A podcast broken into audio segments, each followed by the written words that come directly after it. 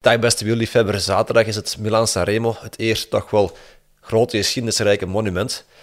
En daarvoor zie je steenvast terug in uh, de magazines, maar ook in gazetten of andere online media, de sterren die uitgedeeld worden aan de topfavorieten.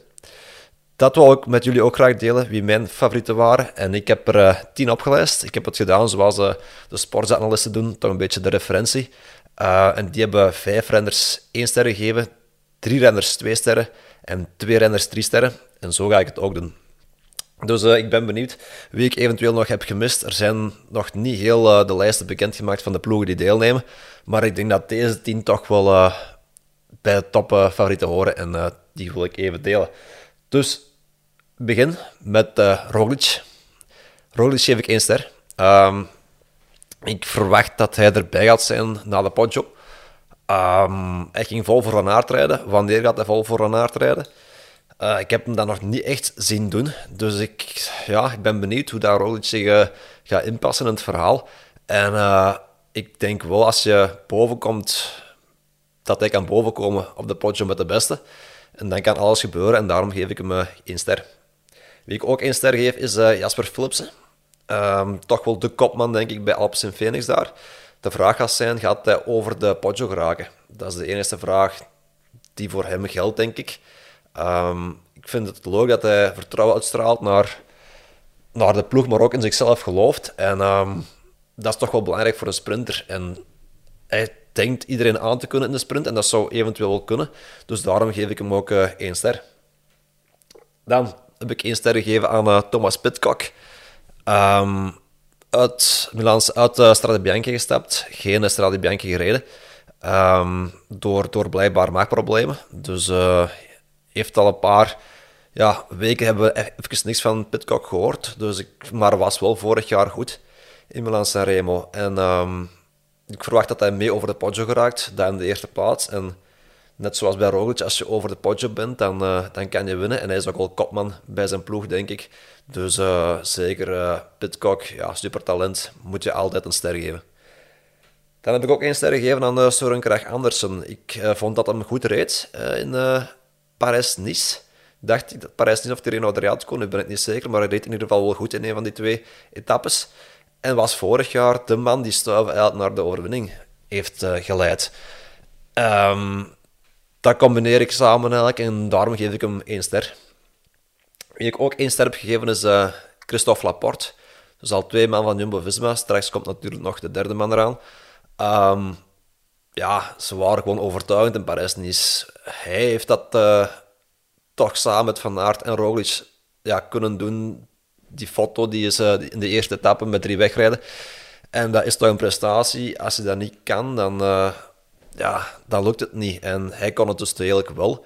En er waren erbij ook van uh, grote namen die, die niet konden aansluiten bergop. Dus uh, ik verwacht hem ook wel mee over de Poggio. Dat zou straf zijn. Mocht er drie renners van éénzelfde ploeg over de Poggio geraken, mocht er een groep van uh, eh, 15 wegrijden bijvoorbeeld. Um, maar als het een groep van 15 is, ja, de straf. Maar ik denk wel dat ze er dan met drie gaan bijzetten. Dus daarom geef ik hem ook één ster. Wie ik twee sterren heb gegeven, is Matej Mohoric misschien onverwacht om die twee sterren te geven.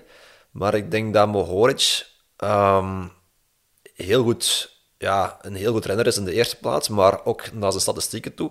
De afgelopen drie jaar was hij er altijd bij in de finale uh, in de Milan Sanremo. En hij is nog altijd een zeer jonge gast. Dus uh, de straf dat hij toch uh, daar blijkbaar op focust. Hij kan ook heel goed naar beneden rijden. En ik denk als hij ja, rond de derde, vierde plaats naar beneden kan duiken in, na de Poggio dat je daar toch mee moet oppassen. Want ik, ik heb zoiets dat hij volgens mij als een steen naar beneden wilt gaan en echt risico's durft pakken. En uh, ja, dat moet je maar durven volgen. En ik ben benieuwd uh, wie dat, uh, die risico's wilt nemen. Dus daarom heb ik hem twee sterren gegeven en ik verwacht hem terug in de finale. Wie ik ook twee sterren heb gegeven is Mats Pedersen. Onverwacht sterk vond ik in Parijs-Nice. Hij heeft daar laten zien dat hij van aard kan kloppen in de sprint. En ook niet enkel van Aert, maar de andere sprinters. Uh, en echt, echt op een machtige manier. Dus uh, ook goed in de bergen. Dus reed, reed gewoon heel goed. En daarom denk ik nu dat Stuiven heeft Milan Sanremo al gewonnen. Ik heb Stuiven geen sterren gegeven. Had perfect gekund. Had perfect gekund. Maar ik verwacht dat hij meer in dienst gaat rijden voor, voor Pedersen. Als Pedersen er aanhangt naar de Poggio en Stuiven hangt eraan, dan gaat Stuiven volgens mij alles op Pedersen zetten. En wil hij het tot een sprint laten komen. En dan geef ik Pedersen enorm veel kans. De laatste met twee sterren heb ik dan uh, Tadej Pogacar gegeven. Twee of drie sterren? Ja, ik denk twee sterren, omdat ik verwacht niet dat hij iedereen gaat los op de Poggio. Um, het is niet echt een hele steile klim, zoals hij nu in de Treno Adriatico op die steile stukken kan wegrijden van de rest. Ik denk niet dat hij dat kan op de Poggio, ehm, zoals hij dat nu heeft gedaan in de afgelopen koersen. Um, het, kan, het kan natuurlijk gebeuren, dat, dat zou perfect mogelijk zijn, maar het is, niet, in mijn, is niet in mijn denkwijze dat het, dat nu zit. Ik verwacht hem mee over de Poggio bij de eerste. Waarschijnlijk als eerste komt hij boven of als tweede. Um, maar dat hij dan toch nog uh, met volk in zijn wiel zit. Dus uh, dat verwacht ik wel. En dan is het eventueel sprinten of eventueel nog wegrijden, maar toch uh, zeker twee sterren waard. En daarom twee sterren aan Pogacar. Drie sterren dan. Caleb Ewan en Wout van Aert heb ik drie sterren gegeven. Ik denk in de eerste plaats Caleb Ewan, omdat hij vorig jaar echt liet zien dat hij mee kan over de Poggio met echt sprekend gemak. De vraag is bij mij bij Ewan van hoeveel ploegmaats gaat hij overhouden na de Poggio? Ik denk geen. Ik zou straf zijn, maar bijvoorbeeld Gilbert daar zitten. Dat zou, ik, zou ik super vinden, maar ik vrees ervoor. Vermeers, dat zou dan misschien de man zijn die het zou moeten doen, maar hij heeft nu ook al nokere koersen.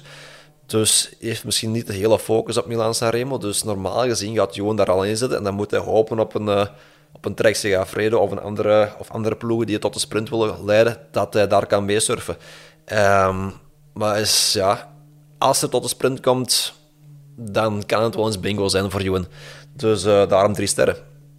En dan ook drie sterren voor Van Aert, voor de simpele reden, omdat hij waarschijnlijk bij de eerste drie gaat bovenkomen op de Poggio. Of mocht er gedemareerd zijn, of door een ander ploeg, um, ga, ga Van Aert gewoon bij de beste mee bergop.